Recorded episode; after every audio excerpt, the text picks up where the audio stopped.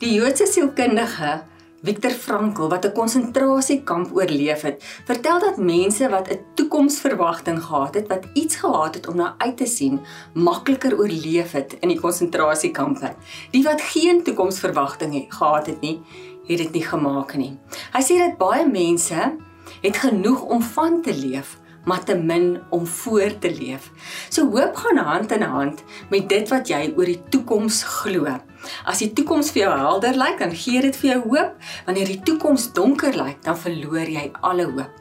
Die Griekse woord vir hoop in die Bybel is elpo en dit beteken om met groot verwagting uit te sien na iets. Weet jy dat die vroeë kerk het verskriklik gelei? Hulle is wreed vervolg, hulle is vir wilde diere gegooi, hulle is lewendig verbrand. Maar hoe op aarde kon hulle hierdie lyding weerstaan? Het hoe op aarde kon hulle aangegaan het as hulle toekoms so donker gelyk het? Hulle het 'n vaste hoop gehad.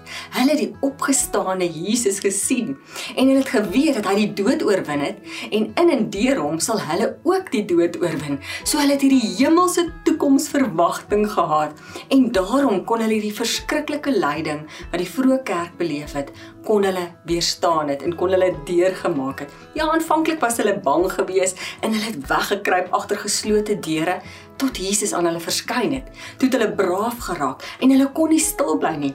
Ten spyte van die feit dat hulle vervolg is, dat hulle wreed verbrand is en vir diere gegooi is omdat hulle Jesus as Christus bely het. Ja, hulle hoop het nie in iets gelê wat nog moet gebeur nie. Dit het reeds gebeur.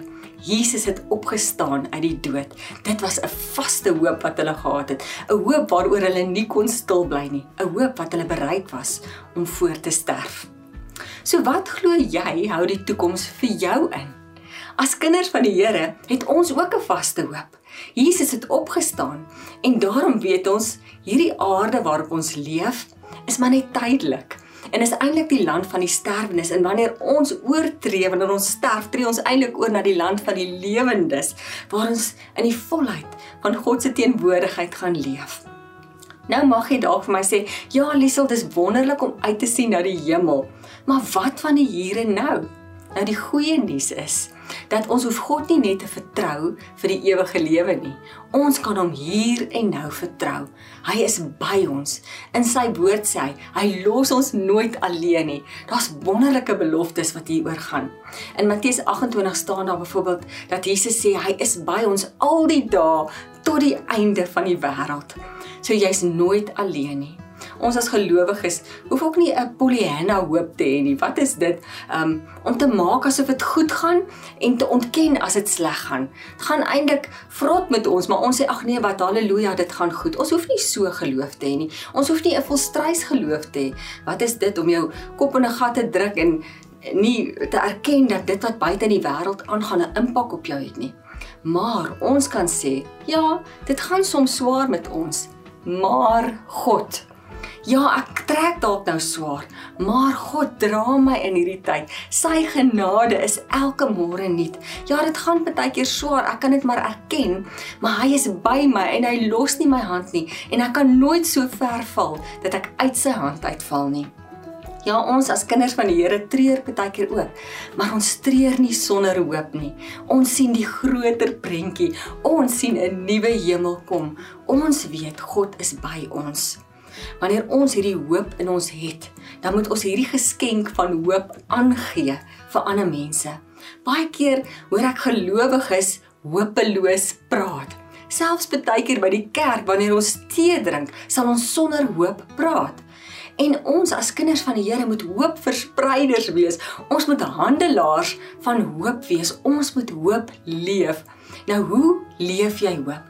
Deur 'n stukkie brood te gee waar jy kan, deur 'n beker water te gee waar jy kan, deur hoop te praat, deur 'n hoopverspreider te wees. Waar hoop is, is lewe. Ons moet mense in nood help.